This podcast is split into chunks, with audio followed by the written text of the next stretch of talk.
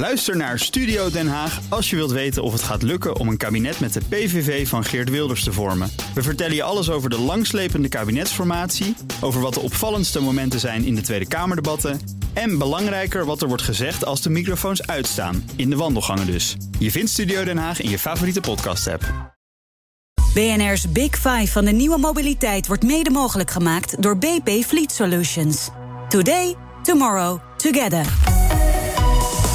BNR Nieuwsradio. The Big Five. Art Rojakkers. Welkom bij de Big Five. Hoe houden we Nederland mooi, groen en mobiel? Veel complexe uitdagingen komen samen op ons weerspoor en water, spoor en water. Welke keuzes maken de verschillende sectoren als het gaat om onze nieuwe mobiliteit? Daar hebben we deze week over met de hoofdrolspelers. En vandaag is dat Marcel Koops, commercieel directeur van leasebedrijf Atlon International. Welkom. Dankjewel. We beginnen met drie stellingen. Later kan je nuanceren. Nu is het nog eens of oneens. Een leaseauto van de zaak is eigenlijk een beetje passé. Ja. Ik zou prima een deelauto kunnen hebben. Ja. Private lease is de melkkoe van leasebedrijven. Kijk, er wordt Ja. gelachen. Ja, ja, ja, ja, ja, is het. Nou, we komen erop terug. Ik hoor. mag nuanceren, hè? Ja, precies. Dat gaat nog gebeuren hoor. De leek zou denken: het lijkt me niet leuk om in deze tijd directeur te zijn bij een lease- leasebedrijf. Nu we massaal thuis gaan zijn gaan werken, niemand lease nog een auto. Hoe gaat het met je? Ja, gaat heel erg goed. Gaat heel erg goed. Ja, het is grappig dat je het zegt. Eh, ik, ik moet daarbij zeggen dat wij al- als, als leasebedrijf al in 2008 hebben ingezet op duurzaamheid. Ehm, en de stelling die we toen hadden, de meest duurzame kilometer is eigenlijk geen kilometer. Dus die hele transitie zagen we wel aankomen, maar we wilden, we wilden graag aan de voorkant van de golf staan. Dus wij hadden al in onze uitingen, onze strategie, het terugdringen van het aantal leasekilometers al hoog op onze agenda staan. En we merkten dat verandering van gedrag heel lastig is. Hè, dus eh, dat zie je ook. Hè. We praten al heel lang over de mobiliteitstransitie. Het moet minder, het moet schoner. Eh heeft heel lang niet geduurd. aan. Nee, ja, maar door, door, door corona in één keer was het er. We mochten in één keer niet meer reizen. We zaten met z'n allen thuis. En in één keer was het mogelijk. Dus we hebben daar heel veel aan, heel veel, eh, ja, heel veel aan besteed. Mhm. In de dialoog. Dus we hebben daar heel veel eh, intelligentie op losgelaten. Maar het was eigenlijk nooit mogelijk. Heel langzaam. En nu in één keer is het er. Ja, maar de, de, de meest duurzame kilometer is de niet gereden kilometer, zei je. Maar dat is dan ook meteen het einde van het businessmodel van Atlon. Ja, dat klopt. Als je het zo bouwt, zou stellen. Maar daarom was ik wel blij dat ik hem mocht nuanceren. Eh, want mobiliteit zal altijd blijven bestaan. Eh, of het nou eh, de automobiliteit zal blijven bestaan. Maar we moeten het anders en we moeten het slimmer doen.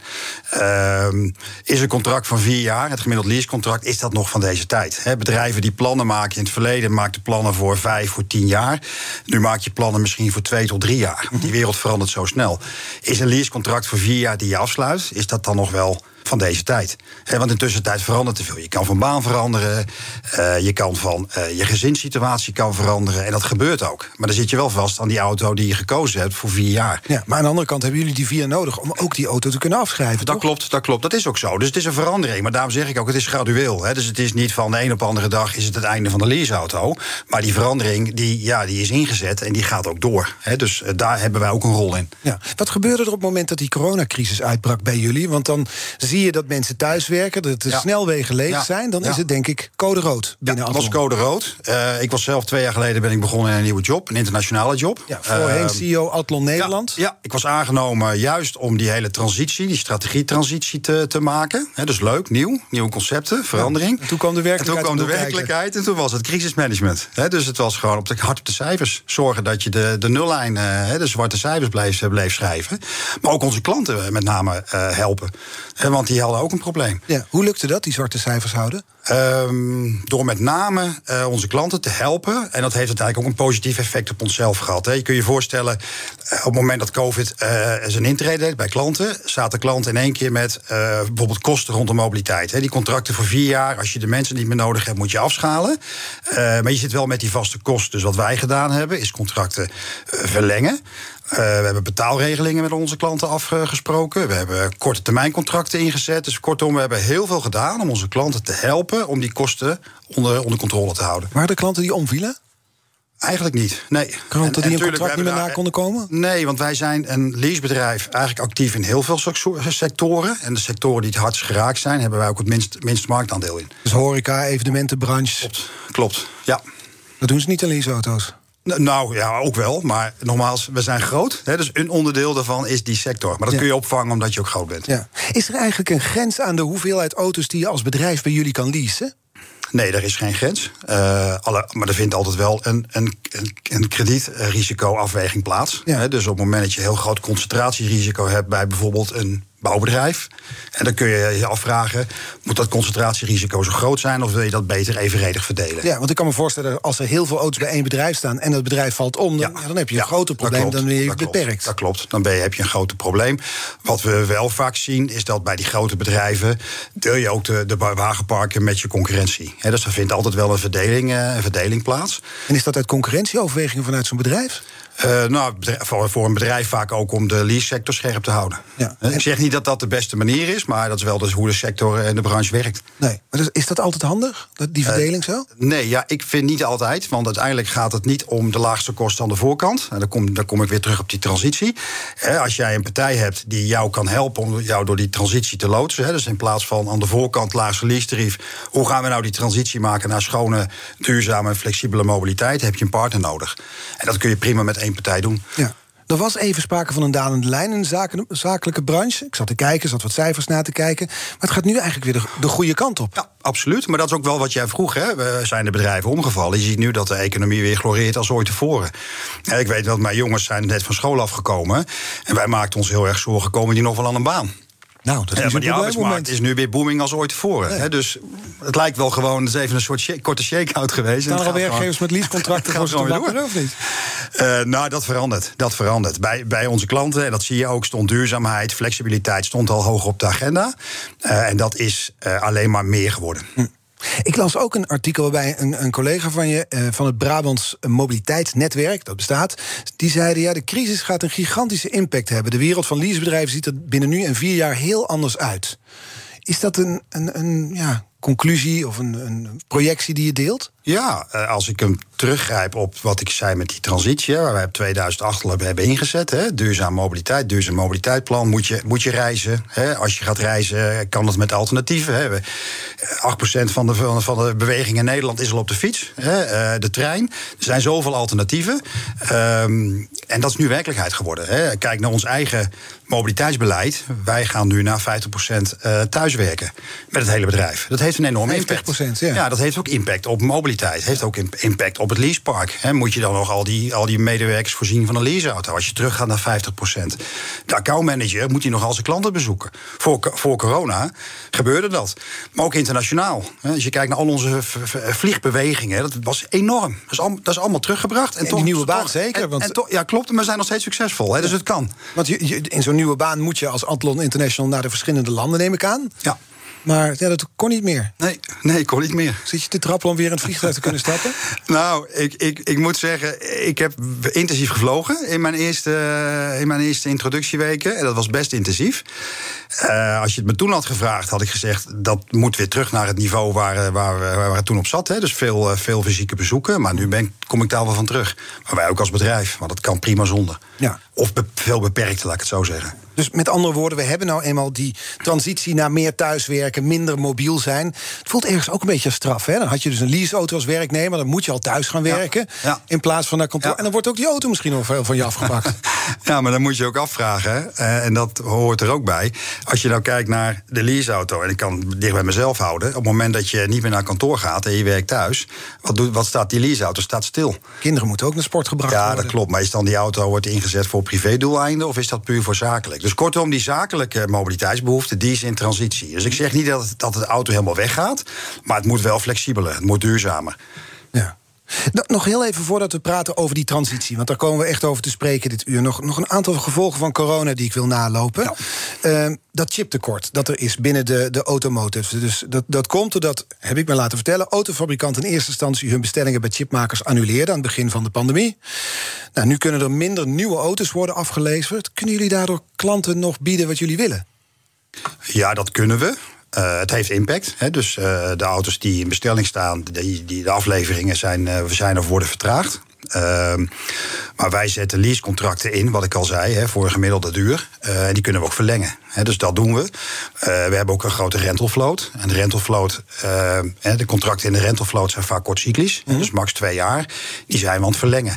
Hè, dus wij zorgen dat de auto's die wij hebben, dat, we, die ook, dat we die ook zoveel mogelijk in ons park houden om onze klanten mobiel te houden. om zo te voorkomen dat er tekorten ontstaan. Klopt, klopt. Ja. want je wil de klant ook wel aan je binden, blijven binden. Laten we eerlijk zijn. Ja.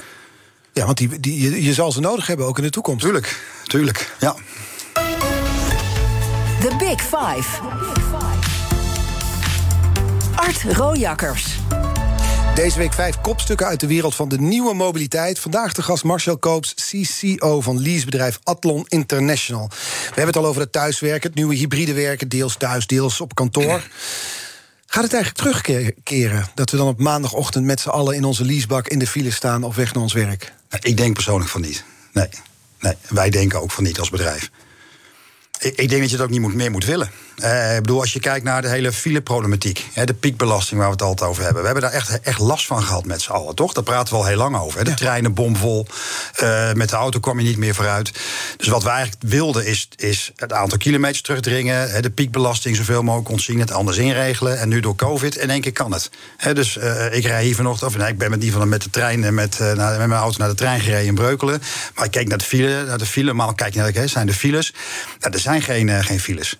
Hè, dus Fietsfiles, moet je dat weer in de stad? Ja, dat zou, in de stad in ieder geval, ja. ja maar, maar dat is nog beter dan auto, autofiles, zou, ik, eh, zou ik zeggen. Ja. Dus nee, je moet het ook niet meer willen. En ik denk dat het ook niet meer teruggaat. We hebben natuurlijk een enorm onderzoek gedaan binnen onze eigen medewerkersbestand. Mm en, en mensen willen, willen het ook niet meer. dus dat is het goede, het goede ervan. Ja. En het is, dat is ook echt zo. Of is dit nu wensdenken? Net zoals we dachten dat de wereld... Hè, weet, weet, je nog, die mhm. eerste maanden van de pandemie... de wereld zou beter en groener. En we zouden allemaal liever worden. Het zou allemaal mooier worden. Ja, we zijn nu toch ook een beetje aan het ontnuchteren. Ja, ik weet het niet. Ik denk dat, uh, nogmaals, de verandering was al in gang gezet. Uh, de versnelling is nu gekomen en ik denk dat het weer, uh, het zal weer een stukje teruggaan. Mm -hmm. Het zal zich wat meer normaliseren, maar niet meer terug naar het oude niveau. Nee. nee, dat geloof ik niet. Nog één actueel ding, want elektrische auto's, daar komt die bijtelling straks, die gaat weer omhoog hè, per 1 januari. Mm -hmm. Ja. Wat, Voor, wat voor invloed heeft dat op jullie? Want tegelijkertijd, we hadden het over chiptekort. Dus auto's kunnen nu lang, langzamer geleverd worden. Dus daarmee komt die datum van 1 januari natuurlijk in, de, in zicht. Je bedoelt dat de auto's niet meer afgeleverd worden? Ja, dat, uh, ja, maar ja dat klopt. dat heeft een impact. Ja. Gaan jullie daarmee om? Uh, ja, daar kunnen we niet zo heel veel mee. Nee, nee. Want ik kan me voorstellen als zakelijke werknemer... dat je denkt, ik bestel nog snel zo'n elektrische auto. Ja, misschien, ja. Uh, misschien bestel je hem af. Aan de andere kant, de bijtelling is nog steeds wel gunstig. Mm -hmm. Dus je zegt, hij gaat terug, maar hij gaat nog niet terug. Hij gaat niet terug naar het niveau van een, van een uh, diesel- of een benzineauto. Nee. He, die 22% is 12%, he, nog steeds, nog steeds aantrekkelijk. Dus het wordt gradueel verhoogd uh, tot en met 2025. Ja. Dus het is nog steeds aantrekkelijk. Okay. Uh, buiten die elektrische auto zijn jullie eigenlijk je vleugels aan het uitslaan, zal ik het zo maar zeggen. Dus onder, want het zakelijk verkeer verandert onder invloed van het nieuwe hybride werken. We vervoeren ons op andere manieren dan alleen in de leaseauto. Daar willen jullie meegaan in die beweging. Ja. Ja. Wat voor manier? Ja, nou, daar gaan we al in mee. Hè. Dus ik, ik refereerde al aan ons duurzaam mobiliteitsplan 2008. Toen we dat lanceerden, waren we een beetje de, eh, werden we een beetje uitgelachen als leasemaatschappij. Hè. Want dan wordt er ook gelijk gezegd van ja, hè, uh, groen, hoe dan? Uh, duurzaam mobiliteitsplan niet meer reizen heeft een negatieve impact op de lease-sector. Maar nu is het actueel. maar in alle stappen die, die, die, die je afweegt, hè, ga, met, met je reisbewegingen, moet ik reizen, ga ik reizen, welke vorm, met welke vorm ga ik reizen? Als ik ga reizen, reizen elektrisch. Uh, het moet veiliger. Hè, dus uiteindelijk hebben we daar ook een, willen we daar ook een, een, een belangrijk uh, onderdeel van uitmaken. En uiteindelijk wat je bespaart wil je weer terugbrengen hè, aan, uh, aan, aan, de, aan het verduurzamen van, van de wereld. Het terugbrengen van de CO2-uitstoot. Dus dat blijft. Uh, in elke stap blijft, blijven er ook mobiliteitsconcepten uh, ontstaan. Daar blijft een behoefte aan ontstaan. Ja. dus ik, wat, wat, ik wil voorkomen is dat ik zeg: van, joh, het hele leasepark gaat terug. Ons, he, door, door, door, door, de verandering, he, geen leaseauto's, hebben de leasemaatschappijen geen, geen rol meer. Juist wel, want, want hij verandert. Dat is eigenlijk de transitie waar we het over hebben. Want schets eens een beeld van het bedrijf dat, wat jou betreft, jullie zouden moeten zijn over pak een beet vijf jaar. Dat, dat grote wagenpark is misschien wel wat ingedikt. Ja. Ja. Wat komt er voor in de plaats? Een, een mobiliteitsconcept, een mobiliteitsbudget. Wat het in? dat jij als, uh, als individu beschikbaarheid, beschikbaarheid, uh, beschikbaarheid hebt over een mobiliteitsbudget. Waarin jij jouw mobiliteit kan inzetten waar je op dat moment behoefte aan hebt. He, dat kan voor jou zijn als je in een buitengebied woont. He, zal je eerder behoefte hebben aan de auto. Maar dan kun je je afvragen: moet ik dat contract voor vier jaar hebben? Of moet ik een budget hebben waardoor ik mijn auto kan kiezen? Op dat moment welke ik nodig heb. Hè. Dus door de week kan ik prima in een kleine elektrische auto rijden. Maar in het weekend of in de vakantie heb ik een grotere elektrische auto nodig. Dat moet kunnen. Mhm. Kan nu eigenlijk amper. Uh, dat jij, als jij in de stad woont, dat jij uh, in ieder geval gebruik van, kan maken van de mobiliteit die je nodig hebt. We hebben het over deelauto's. We hebben het over fietsen. We hebben het over scooters. We hebben het ook over OV. Uh, dus je maakt die afweging. Hè. Ik, ik, ik heb nu ook een mobiliteitsbudget binnen ons bedrijf. Ik heb nog geen fiets geleased, maar die heb ik zelf, maar dat kunnen we doen. Uh, ik kan ook met OV. Hè, dus ik besluit vanochtend hier met de trein te komen. Uh, als je bij mij dat drie, vier jaar geleden had gevraagd, was ondenkbaar. Dan stapte ik automatisch in de auto. En mijn, mijn, mijn bedrijf faciliteert dat. Ja. En dat zit hem dus in dat via jullie bedrijf kun je dus ook de trein pakken en ook een fiets leasen. Ja, dat klopt. Fiets ja. leasen. Ja. Ja, ja, ja dat, is heel, dat is ook gebruikelijk nu. Hè. Dus dat is ook de, de, de, de 8% bewegingen die we maken al op de fiets. Ja? Uh, daar is een enorme behoefte en dat gaat versnellen. Maar we hebben toch allemaal een fiets? Waar moeten we die leasen? Nou, uh, we hebben een fiets. Maar ik weet niet of je de prijsontwikkeling van de fietsen kijkt. Met name de elektrische fietsen. Die zijn best wel kostbaar. Uh, kijk naar de speed pedelecs. Hè, die zie je ook wel veel in het verkeer al. Ja. die zijn hartstikke effectief, efficiënt om in te zetten. Ja. maar, we, maar daar geldt hetzelfde voor. Wil je dat zelf kopen? Hè? of wil je, dat, wil je het leasen? Geldt eigenlijk hetzelfde hetzelfde voordeel voor, voor het leasen van een auto. Ja. En dat moet dus dan gebeuren met zo'n mobiliteitsbudget. Dus ik krijg als werknemer krijg ik een bepaald budget per maand. Ja. En daarmee kan ik ja. eigen inzicht beslissen. Deze keer de auto, dan de trein en dan een fiets. Die zijn geen van alle dus standaard een verlenging van mijn woonkamer. Want die worden ook door andere mensen gebruikt. Ja, ja, ja. Dat is een drempel, kan ik me voorstellen, voor klanten. Uh, deelconcept bedoel je? Ja. ja, maar ook daar weer uh, individueel. Hè? Dus niet iedereen zal gebruik willen maken van uh, een deelauto. Uh, ik hoorde Maart Steinburg zeggen, of uh, die had het over de wc. Hè. De wc wil je ook niet delen, nee. die, is van, uh, die is van jou. maar het neemt enorm toe. als ik kijk naar mijn eigen vriendengroep, en dat zijn mensen ook van mijn leeftijd. Mm -hmm. die in een, in, een, in een stadsgebied wonen, die hebben, sommigen hebben al geen auto meer. Maken al gewoon gebruik van, van deelhouders op momenten die nodig hebben. En het gebeurt. En dus zelfs die doelgroep. En, en als je dan kijkt naar die jongeren die, die al nu. vroeger wilde je rijbewijs halen, wilde je een auto. Daar vindt een enorme verandering in plaats. Want hoe zit bijvoorbeeld bij jou thuis? Die jongens hebben geen auto. Willen ze nee, er Eigenlijk niet. Ja, als ik hem betaal misschien. Maar, maar, maar, ze willen met name mobiliteit. En ja. het bezit is last. Is, ja, bezit, ze, willen, ze willen eigenlijk van het bezit af. En, en voor hun is het al veel makkelijker. Want ze kijken ook amper meer tv. He, want ze kijken, te, ze kijken naar YouTube, ze kijken filmpjes, ze kijken op het moment. He, ze, is on demand. He, in een abonnementsvorm. Voor hun is dat heel gewoon. Ja, je hoeft dat voor mij is dat te hebben. Het gaat om het gebruik. Klopt. Ja. ja. En die wereld, die markt is dus ongelooflijk snel veranderd. Ja. Sneller dan je misschien door kan hebben als bedrijf. Ja. Die jonge generatie die dat zo snel eigenlijk oppakt. Maar het is ook snel gegaan. Als je kijkt naar abonnementsvormen. Bijvoorbeeld. Ja? Ja. Maar in zijn algemeenheid. Hè? Dus, dus dat vindt voor automobiliteit en mobiliteit gaat dat, gaat dat diezelfde transitie plaatsvinden. Ja, maar dan kijk je dus naar een leasebedrijf... waarbij je toch van buitenaf denkt... die hebben een groot warengepark ja. dat ze onderbrengen. Ja. Nu is het dus een andere wereld aan het worden... waarin jullie moeten meebewegen. Ja. Want ja, als je stilstaat... Dan heb je geen tours meer. Precies. En ik heb van de week ook gesproken met Marjan Rintel... president-directeur van Klopt. de NS. Klopt. Had het ook over mobiliteitsbudget. Dat je bij hen eigenlijk kan kiezen... deze keer een auto, dan een fiets. Dus wordt dat eigenlijk de nieuwe concurrentie? Ja, ik zou niet. Ik vond. En Marjan had het wel mooi. Die vertelde het ook wel mooi. Uiteindelijk gaat het ook om partnerships. Het gaat, om de, het gaat niet meer dat je alles zelf wil doen. Wij hadden ook de illusie toen wij vijf jaar geleden startten met mobiliteitsplan. Wij moeten alles zelf doen. Maar daarmee ga je het niet overleven. Je moet doen wat je, waar je zelf goed in bent. Voor ons is dat assetfinanciering. Wij financieren de auto's. Wij, wij, wij, maken ook geen auto's. Wij bieden auto's aan onze klanten aan en we faciliteren alles eromheen. Mm -hmm. uh, dat doen we ook met, met, met garagebedrijven. Uh, maar dat kun je dus ook doen voor de nieuwe vormen van mobiliteit. Dus het gaat met name in dat ecosysteem dat je daar een, een, een onderdeel, hè, dat je daar onderdeel van bent. Juist op de kracht wat jij in kan zetten. Ja, maar het heeft ook te maken met een businessmodel. Ergens moet er verdiend worden. Ja. En als Ja. ik straks mijn mobiliteitsbudget inzet via de NS, dan Ja. zullen zij daar een percentage van Ja. pakken, niet Hadlon. Ja, dat klopt. Maar uiteindelijk zit er, zit er ook, en dat is de rol die wij hebben in zakelijke mobiliteit, wil een klant ook ontzorgd worden. Want waar onze klanten zich heel veel zorgen om maken nu. Het, eh, het lease, de, de lease-regeling hebben ze ingeregeld. Dat is al jaren zo. Ja? En wij merken dat onze klanten die transitie nog niet zo snel willen maken, omdat ze het ook nu ingeregeld hebben. Dus zij, zijn ook, zij, zijn ook, ja, ze zijn ook bang dat ze enorme eh, workload op zichzelf afhalen. Ja, Geen grip meer op kosten, ze moeten het gaan organiseren. En dat is de rol die wij willen spelen in die ontzorging. Dus aan de achterkant kun je met je partnerships kun je het aanbieden, maar integraal. De, de klantbediening, klant, klantinterface. Dat is toch wel de rol die wij wel graag willen spelen. Mhm. Ja, want nu zit ik met een bedrijf en heb ik enkele tientallen werknemers of honderden werknemers Ja. met een leasebak. En die hebben straks allemaal individuele wensen. Dan weer een fiets, dan weer een trein. Ja, maar als je, dat dus, als je dat dus kan faciliteren... en je kan, dus ons, je kan daarmee de klant ontzorgen... eh, dan, dan hoeft een, kan een klant ook makkelijk die overstap maken. Maar staat daarmee, voor jullie staan daarmee de kosten ook onder druk, kan ik me voorstellen. Want het is in- een ingewikkelder plan dat je moet maken dan wanneer je iemand die leasebak kan geven. Ja, maar die slag naar die hele digitalisering moet je toch al maken. En, en wat wij nu ook doen, is niet meer kijken naar het bestaande businessmodel. Dus als jij je bestaande businessmodel wilt digitaliseren... dan denk je ook in de oude wereld, in de oude richting.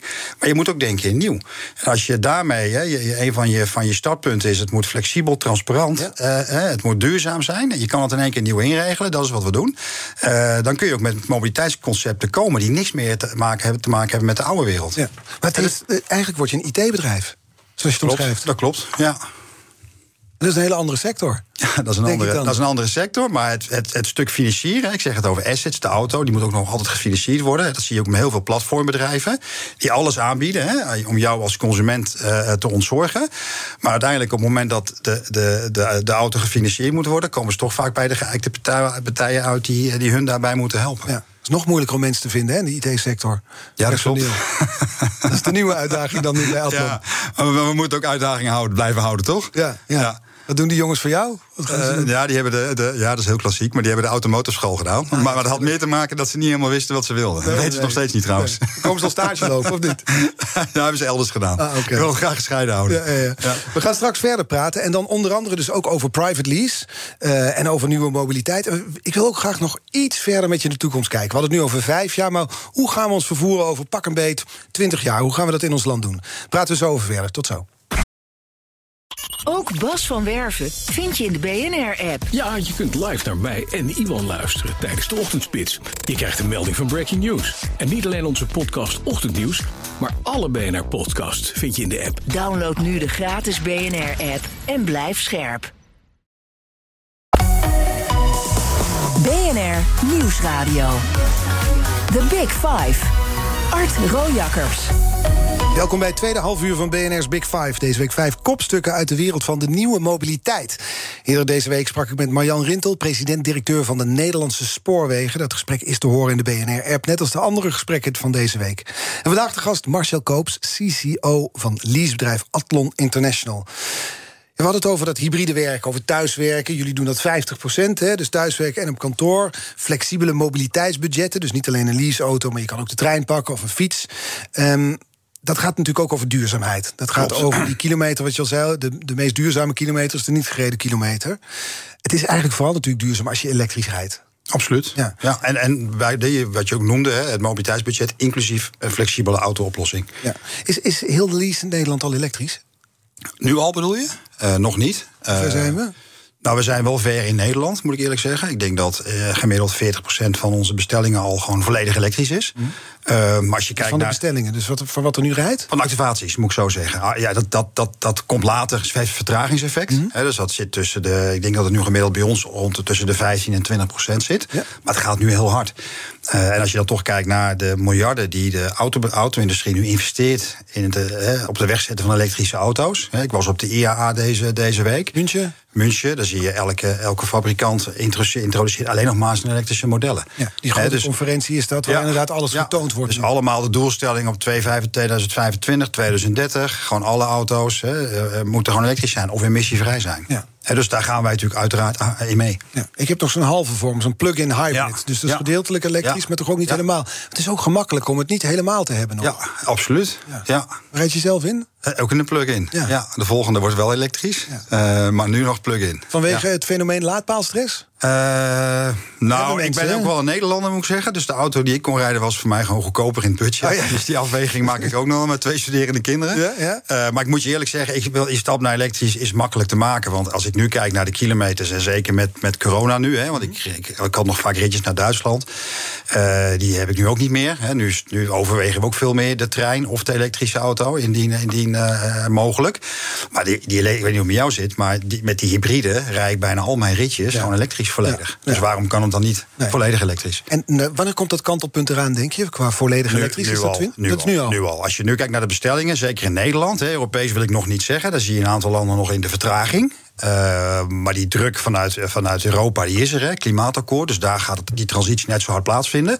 Maar Nederland als land met de omvang, de infrastructuur, ja, het is, is elektrisch. Hè, dus ik zei, die, die aantal bestellingen, die 40% die, die slag van hybride naar elektrisch is al lang gemaakt. Ja. En eh, is er nog iets nodig vanuit de overheid op dit vlak? Want er, er wordt nu geformeerd, tenminste. Er gaat wel weer een keer geformeerd worden, waarschijnlijk. Ja, daar in Den ja dat, dat weet, weet ik eigenlijk niet.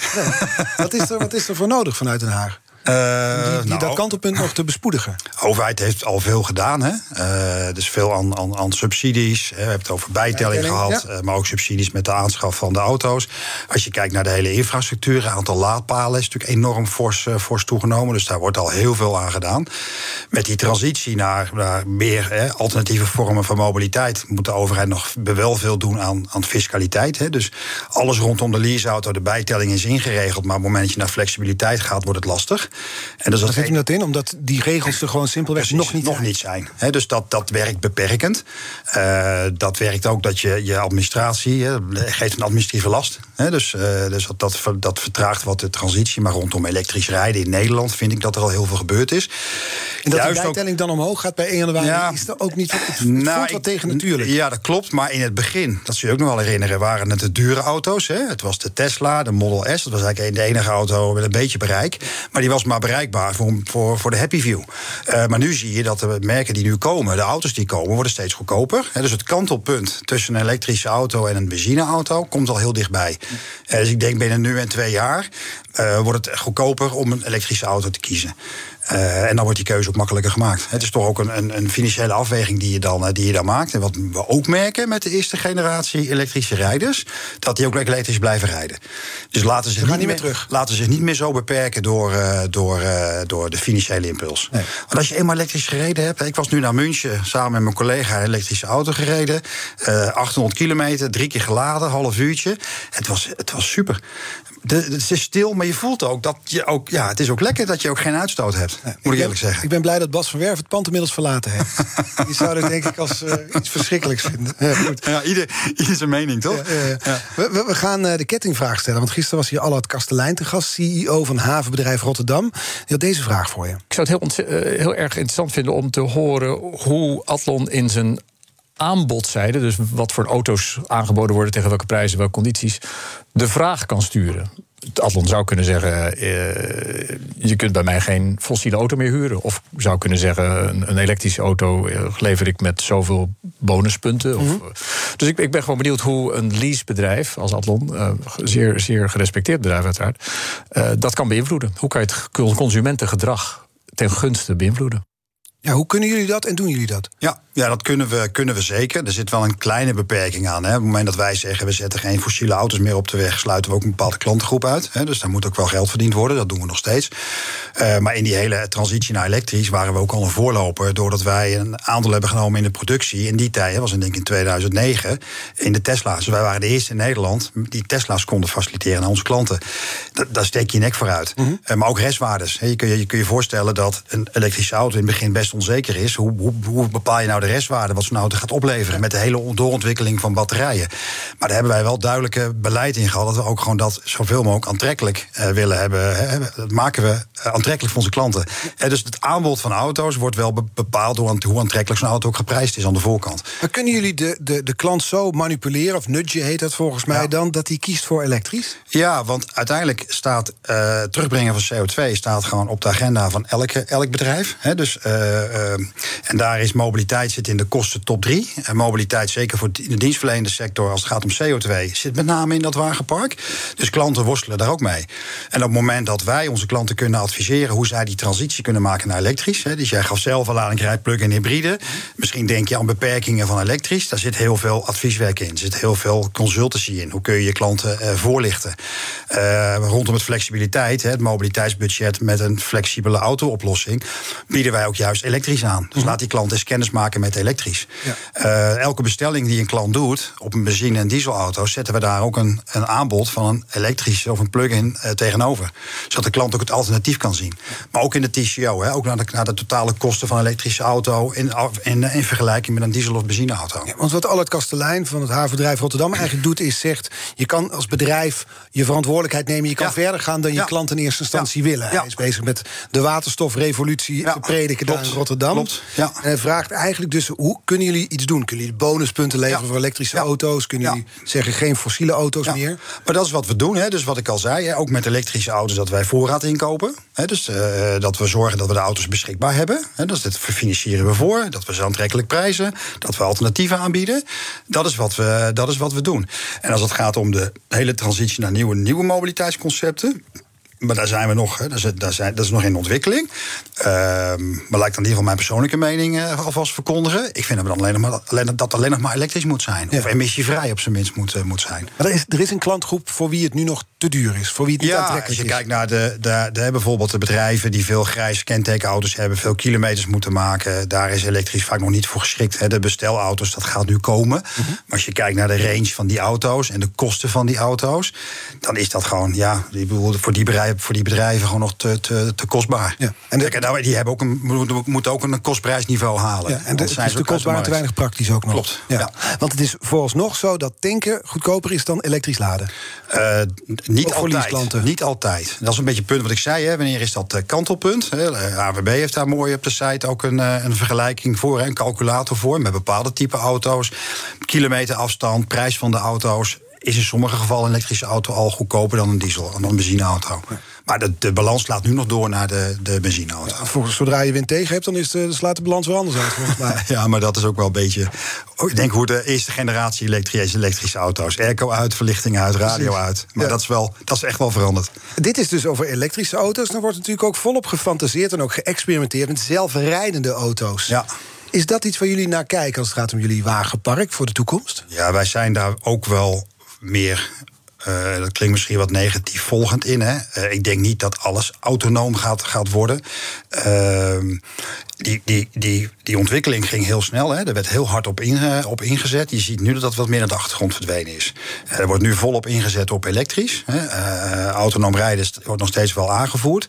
Maar je moet je afvragen in, in, in, in binnensteden of je daar al 100% autonoom kan. Uh, ik denk het niet. He, dus, uh, Maarten Stijnboeg, die te gast was maandag, die zei dat ook. We, we, gaan sneller zien dat we op de snelweg onze mail kunnen bijwerken... terwijl de auto zelf rijdt. Ja, en dat, kun, kan al in bepaalde auto's, maar het mag nog niet. Uh, maar die techniek die is er al. Dus ik zie daar wel dat ik verwacht dat daar wel iets mee gaat, uh, gaat komen. Zijn er al businessmodellen te maken als het gaat om autonoom rijdende auto's? En lease? Of is dat nog te veel een Nou, het is meer, het is meer als, als, als onderdeel van de auto. Hè. Als, je, als je nu kijkt naar een auto, een gemiddelde auto neemt van vijf jaar geleden... en je kijkt naar de veiligheidsopties in zo'n auto... dat staat in, staat in schril contrast met de opties die er nu in de auto zitten. Vaak weten we het nog niet. En als je kijkt hoe veiliger zo'n auto al is geworden... maar dat gaat ook voor autonoom rijden. Hè. Er zijn heel veel auto's al, kijk naar de Tesla, maar ook andere OEM's... die die functionaliteit al in de auto hebben. Maar dan komt weer wet en regelgeving komt daarbij. En dat, daar schort het nog vaak aan. Hè, want je kan je ook herinneren dat er wel eens ongelukken zijn geweest. Die worden enorm uitvergroot. En ook in Amerika. Dus dat, dat werkt wel wat belemmerend op het echt doorvoeren. Of het, het, het accorderen van autonoom rijden. Dat het ook echt mag. Maar dat het kan, die techniek, die is er van groot al. Zometeen praat ik verder met Marcel Koop, CCO van leasebedrijf Atlon International. Maar eerst naar Nina van den Dungen, want zometeen om 11 uur, kwartiertje nog. Als BNR breekt, wat is jullie yes. breekijzer vandaag? Nou, we gaan het hebben over gasboringen in de Waddenzeeën. Want er is nogal wat internationale druk op Nederland nu aan het ontstaan. Vanuit stoppen, hè, congres. Ze. Ja, vooral niet nieuwe gasboringen gaan starten. En dat wil, demissionair minister Blok van Economische Zaken wil dat wel. De vergunning zou zelfs al verstrekt zijn aan een NAM. Nou, dat is tegen het zere been van de, natuurlijk de milieuclubs, maar ook van over overheden wereldwijd. Dus de internationale druk groeit. Ze doen een dringende oproep eh, aan Nederland. Stop met boren naar gas. Het is een belangrijk natuurgebied, UNESCO Werelderfgoed. Vogels, jongens, vogels zitten daar. Heel belangrijk. Dus um, ons breekijzer, het is hoog tijd dat wij de natuur boven geld verdienen stellen. En dus moeten we niet verder naar gas gaan boren in de Waddenzee. Om 11 uur kun je bellen 020 468 4 keer 0 om mee te praten in BNR Breekt. Oké, tot zo Nina. Jo. BNR Nieuwsradio. The Big Five. Art Rojakkers. Je luistert naar BNR's Big Five van de nieuwe mobiliteit... met vandaag de gast Marcel Koop, CCO van leasebedrijf Athlon International. Een van de stellingen in het begin was... private lease is de melkkoe van leasebedrijven. Toen moest je wat lachen en uiteindelijk zei je ja. Ja, ik mocht hem ook nuanceren. Precies, dat, is het moment, dat moment is nu aangebroken. Nee, maar als je kijkt naar de groei in, in, in eh, de zakelijke leaseauto in Nederland... Uh, kun je voor, uh, voor een belangrijk deel toewijzen aan private lease. Dus leasemaatschappijen zetten ook in op private lease. Um, en je ziet dat, als je kijkt naar het hele mobiliteitsstuk, mobiliteitsbudget, als je kijkt naar de werknemer, de employee, zoals dat zo mooi heet, uh, is ook een consument. Dus je ziet die verschuiving al heel erg plaatsvinden. Um, en Vroeger had het misschien wel iets negatiefs. Hè? Het, het leasen of het financieren van een auto voor de particulier. Mm -hmm. uh, maar je ziet nu dat dat eigenlijk ook wel gewoon, uh, gewoon is geworden en geaccepteerd is geworden. Sterker nog, is gestegen, toch? Het is enorm gestegen en stijgt nog steeds. Ja. Waar zit hem dat in? Uh, toch ook wel, het begon met het aantrekkelijk aanbod. He, dat zie je ook met elektrisch rijden. Hoe trek je mensen over de streep? Ja. Ik denk dat je nog wel kan herinneren, die aanbiedingen bij, uh, bij winkelketens. He, waarin je, als je wat kocht, kon je ook een auto leasen voor een gemiddelde prijs van 150 euro. Dat maakt het voor de massa wel heel erg aantrekkelijk. Ja. He, een, nieuw, een, nieuwe auto bezitten. Voor heel veel mensen was dat vaak niet mogelijk. dus dat, nam, dat had behoorlijke impact op je, op je budget. En bij zo'n leaseauto is het ook gemak. dus alles wordt voor jou geregeld. Je hebt die auto, je kan hem budgetteren. Uh, je hele onderhoud en dergelijke is, is, is geregeld. Maar ook in de, weer in de, in de TCO, zoals dat zo mooi heet, de vergelijking tussen het zelf financieren of leasen, mm -hmm. uh, valt zo'n financial lease in, in, in, in veel gevallen gunstiger uit. Ja. En dus doen mensen dat. Maar nou hebben we ook met z'n allen spaargeld over sinds het coronajaar. Ja. Tenminste, niet allemaal, maar dat is een deel van de Nederlanders dat spaargeld over heeft. En dan begrijp ik toch dat je beter een eigen auto kunt kopen dan dat je kunt leasen. Dus dacht ik, er gaat een dip aankomen in de private lease. Ja, ja zo, die zien wij nog niet in ieder geval. Nee, en waar mensen hun geld aan besteden, ik denk dat, er, dat je gelijk hebt. Uh, maar er zijn ook zo, nog zoveel andere wegen waar je je geld in kan, uh, kan investeren. Ja. Dus wij zien dat nog niet zo terug in de per se in de, in de auto. Is het iets waar jullie rekening mee houden? Uh, ja, wij volgen daarin ook de markt. Hè. Dus, dus voor ons de private lease, dat, dat voeren wij ook. Overigens niet, nog niet Europees. We doen dat in, in, in Nederland. Uh, en daar, en daar volgen wij ook de, volgen wij ook de, de, de marktbeweging in. Ja. Nog, nog even over die, die, die marktbewegingen. Um, zeker in de huidige woningmarkt is dit wel een belangrijke vraag. Want hypotheekverstrekkers die kunnen je leasecontract als een manco zien. Daar komen dan berichten over. Hè? Zijn jullie daarover in gesprek met de banken? Nee, zijn we niet over in gesprek met de banken. Uh, wij zijn wel onderdeel van, van, van de VNA. Hè, dus daar, branchebreed wordt daar wel over uh, gesproken. Uh, wat je wel ziet in private lease is dat je ook een keurmerk hebt. Hè, dus dat je ook wel een, een, een, een, voorlichtingsplicht hebt naar je klanten toe. Mm -hmm. hè, dus dit is iets dat waar klanten. ook voor private lease. Ja, toch? dit is iets waar klanten rekening mee. Ja, juist voor private lease. Ja. Dus ja, als jij een private lease contract hebt, wordt dat, wordt dat geregistreerd. Precies. Dat kan een impact hebben op het moment dat je een hypotheek wil, wil ja. afsluiten. Klanten moeten zich daarvan bewust zijn. Laat ik het, laat ik het dan zo zeggen.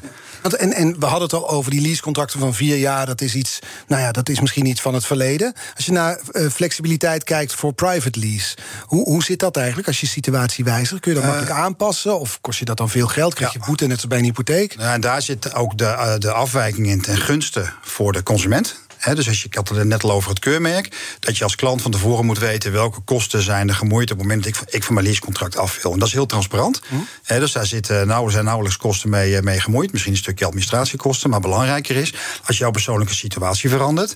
He, dus je raakt je baan kwijt, je raakt in een echtscheiding, je wil van het contract af, dan kun je van het contract af. Hm. Die, die, dat blijft bestaan, zeg maar. Absoluut. ja. ja. ja. Sinds twee jaar werk je voor Athlon International. Ja. Dus meerdere landen ja. uh, waar je mee te maken hebt. Ja. Hoe doen we het hier in Nederland eigenlijk, als je het vergelijkt met die andere landen? Ja, ik vind het heel erg goed. Uh, als je kijkt naar Nederland, zeker het vakgebied waar ik in zit, rondom mobiliteit, vind ik dat we heel erg innovatief zijn. Als je kijkt naar de gastsprekers deze week, is dat wel de rode draad. Dus we doen heel veel. We organiseren ons ook. Ehm, en, en vanuit experimenteren zie je ook heel veel concepten ontstaan. En je ziet dat we daarin echt wel voorop lopen. En ik zie in heel veel landen dat, dat, nog, dat die er nog achteraan lopen. Als je en waar lopen ze dan in achteraan bijvoorbeeld? Uh, infrastructuur. Dus wat ik al zei, kijk naar het aantal laadpalen, kijk naar he, toename elektrische auto's. Uh, daar lopen landen in, in achter, stimuleringsmaatregelen. Uh, dus daar zien we echt wel grote verschillen. En dat, vertaalt zich voor ons in het aantal bestellingen. Als ik nu kijk naar het aantal bestellingen in Nederland, hè, gemiddeld die 40% elektrisch, dat zien we nog niet terug in de andere landen. Daar begint het nu langzaam met plug-in hybrids. Hè, dus dat, dat, dat was in Nederland. Frankrijk, Duitsland. Klopt. Dat was in Nederland ook zo, of Spanje. Hè. In Nederland begonnen wij ook met, uh, met de plug-ins. Uh, en nu is dat elektrisch, dat is een transitie. Je ziet dat in de buitenlanden dat nu ook gaat komen. Heeft dat puur te maken met het feit dat wij zo'n klein land zijn, dus dat het daardoor makkelijker uit te rollen is? Ja, ik denk het wel. Qua infra is dat natuurlijk wel een belangrijk, uh, een belangrijk iets. Maar aan de andere kant, uh, Frankrijk heeft ook steden, heeft ook Parijs. Mm -hmm. uh, Duitsland heeft ook grote steden. dus ik vind dat je daar al heel veel kan doen rondom het terugbrengen van de vervoersbewegingen met de auto. dus daar kun je al heel veel. maar het klopt, in Nederland, hè, wat is het? Van, van, van Friesland tot Limburg is het 400 kilometer. Precies. Nou, doe je in één, in één opgeladen batterij, kun je dat bereiken. En dan ben je er. En dat is niet zo, in, in, in Frankrijk is dat niet zo. Je hebt ook met alle allerlei verschillende overheden te maken. Dus met allerlei verschillende regelgevingen. Is dat eigenlijk voortdurend schipperen? Hoe moet ik dat zien? In de, in de, in de landen bedoel je? Uh, ja, want je, hebt functie. je hebt een functie. Jawel, je, natuurlijk, je hebt verschillen in wet, in wet en regelgeving. Maar overal gezien, als het gaat om onze strategieën, waar staan wij nou voor? Ik refereer aan het duurzaam mobiliteitsplan. Mm Dat is universeel. He, dus dat maakt het wel makkelijk als leasebedrijf. Dat geldt ook voor Frankrijk, dat geldt ook voor Duitsland, geldt ook voor België. He, dus daar willen we, lopen we ook voorop in de transitie. Maar het is gradueel in het aantal uh, concepten wat je ontwikkelt. Omdat ja. je ook afhankelijk bent van, van de behoeften. Ja. Uiteindelijk willen we wel concepten uh, ontwikkelen waar we ook een duidelijke uh, versnelling zien in de behoeften. Kan het ook zoiets zijn dat wij het nu dus dan, hè, we doen het goed zeg je, en we zijn verder dan in de landen om ons heen. U dus maken hebt met de wet van de remmende voorsprong. Ik zag dat je ergens een vergelijking maakte met de tele telefoonmarkt in Afrika. Die vond ik interessant. Ja, ja. nou ja, kijk, uiteindelijk de leasemarkt in Nederland is het meest volwassen. Uh, dus dat maakt dat je ook daar moeilijker van af kan stappen, omdat het ook een heel succesvol businessmodel is. Uh, je bent er ook groot in. Hè? Dus dat maakt dat je het, het, afscheid nemen van je bestaande businessmodel, waar je nu nog heel succesvol in bent, is best lastig. Mm -hmm. Want je verdient daar geld mee, je hebt je organisatie. Hè? Uh, terwijl in sommige landen kunnen wij nu de keus maken: gaan we ons nu ontwikkelen? Eh, zoals we dat in Nederland gedaan hebben. Dus waar gaan we investeren? Meer in de, in de, in de oude wereld. Hè? Het gemiddelde leasecontract wat we hebben. Daar een stukje digitalisering in toepassen. Of zeg je in één keer, weet je wat? Wij doen alleen nog maar, en als we kijken naar het corporate zakelijk lease segment, zetten we alleen nog maar een product in de markt wat volledig schoon is. Het is elektrisch, het heeft een budget, het is flexibel, uh, meerdere, uh, meerdere vormen van mobiliteit. in combinatie met een stukje consultancy. En dit is een plannen of dit is concreet? Dit is concreet. Dit is, dat is de afweging die wij nu die wij nu aan het maken Welke landen denken jullie er op die manier Dan moet je denken aan Italië, Spanje, maar ook Verenigd Koninkrijk. Ja. En, dat heeft niks te maken dat die behoefte op, op, het, op het klassieke lease er niet is. Die is er. Maar wij zijn daar nog relatief een kleine speler. En in het verleden vonden we, we benaderden dat als negatief. Want we hebben geen schaal. Zo begon ik ook aan mijn job. En ik zei, laten we dat nog omdraaien. Want wij kijken allemaal met, met, met verlangende ogen naar start-ups. Die zijn kleiner, die zijn meer, die zijn meer wendbaar. Maar in die, landen, in die landen zijn we dat. Ja, ja, ja. Met, met, een, met, een, met een krachtige aandeelhouder erachter. Laten we dat nou goed inzetten. En vandaar die analogie met de telefoonmarkt. Want in Afrika ja. maakt hij, want daar, hè, daar hebben ze de vaste telefoon min of meer overgeslagen. En zijn meteen de mobiele telefoon gaan omarmen. En, en, in plaats dat Nederland altijd meer de voorloper was, hè, waarbij andere landen volgend waren, laten we die, met die andere landen nou in één keer die stap maken, waardoor Nederland dan ook in één keer kan versnellen op die innovatie. Dus we draaien het eigenlijk om. Dit is een toekomstvisie. We gaan nu nog wat verder in de toekomst kijken. Nu wordt het een beetje toekomst voorspellen, dat is altijd lastig. Maar toch, als we nou eens bijvoorbeeld 20 jaar naar de toekomst kijken, hoe vervoeren we ons dan in in dit land? Ik, ik, krijg die vraag natuurlijk ook altijd. Uh, Twintig jaar vind ik echt ver. Dus ik, ik heb ook niet echt een glazen, glazen bol. Uh, laat ik misschien zeggen wat ik, wat ik hoop wat ik dan zal aantreffen. Uh, dat het ook volledig duurzaam is. Hè? Dus dat we, mhm. ik zei al, de, de meest schone kilometer is de kilometer die je niet rijdt. Ik kijk hier nu naar buiten. Als ik kijk naar al, al de bewegingen. Maar ook al die auto's die geparkeerd staan. Ja, ik denk dat het niet meer van deze tijd is. Dus als we in ieder geval een toekomstvoorspelling mogen maken, hebben we dat in ieder geval teruggebracht. Minder stilstaande auto's. Minder stilstaande auto's. Uh, dat we meer leefruimte hebben. Uh, dat het schoner is. We meer van bezit naar gebruik. Dat ook algemeen geaccepteerd is. Uh, en ook, en ook heel... Vindt het een minder spectaculaire toekomstvoorspelling dan van Maarten Steinboeg? Ja. Die maandag de week aftrapt. En het had over verticaal opstijgen en landen. Dat gaat komen in de toekomst, waardoor we allemaal ja. zo kunnen vliegen. Maar die, Maarten had het ook al volgens mij over 2040, 2050. Ja, ik kan die voorspelling niet maken. Alle voorspellingen die we in het verleden gemaakt hebben, 40, 30 jaar vooruit, zijn niet uitgekomen. Nee. dus ik, ik, ik, ik, ik waag me er niet aan. Okay, Laat ik graag over Maarten. We gaan nog snel de kettingvraag doen. Een vraag is dat voor Paul Vugts, een van ja. Nederlands meest bekende misdaadjournalisten, werkzaam voor het Parool. En met hem onderzoekt mijn collega Diana Matroos aanstaande maandag de vraag hoe het komt dat de georganiseerde, georganiseerde misdaad zoveel macht heeft. Het gaat ja. over ondermijning. Ja. Wat zou je willen vragen? Nou, met name dat stuk rondom ondermijning. He, wat, wat ondermijning van de gemeente door de georganiseerde misdaad. Wat is de impact daarvan op het beroep misdaadjournalist? Kun je je vak nog frank en vrij uitoefenen zoals je dat behoort te doen of zou willen doen, uh, zonder veiligheidsmaatregelen? Dat zou mijn vraag, uh, dat zou mijn vraag zijn. Nou, ik denk in het geval van Paul Vugts dat dat niet het geval is. Ze zijn blij dat hij hier komt. Maar we gaan ja. het hem. Uh, nee, maar dat is precies, dat is precies waar, het, waar, waar het om gaat in dit geval. Ja. ja. Dank voor de komst en succes de komende jaren. Misschien wel komende twintig jaar, wie weet het. Marcel Koops. Dankjewel. Van Athlon International. dat was de week van de mobiliteit en BNR's Beek 5. Ik wil nog zeggen dat de afleveringen terug te luisteren zijn. De podcast is te vinden in de BNR-app en ook op bnr.nl. Volgende week dus Diana Matroos over ondermijning. Die week trapt ze af met Paul Vugts, misdaadjournalist bij het Parool. En nu op deze zender Nina van den Dungen met BNR Breekt. Fijn weekend alvast. BNR's Big Five van de nieuwe mobiliteit wordt mede mogelijk gemaakt door BP Fleet Solutions. Today, tomorrow, together. Bij BNR ben je altijd als eerste op de hoogte van het laatste nieuws. Luister dagelijks live via internet. Bas van Werven. En heel langzaam komt de zon op rond dit tijdstip. Je krijgt inzicht in de dag die komt op BNR, het Binnenhof in Nederland en de rest van de wereld. De Ochtendspits. Voor de beste start van je werkdag. Blijf scherp en mis niets.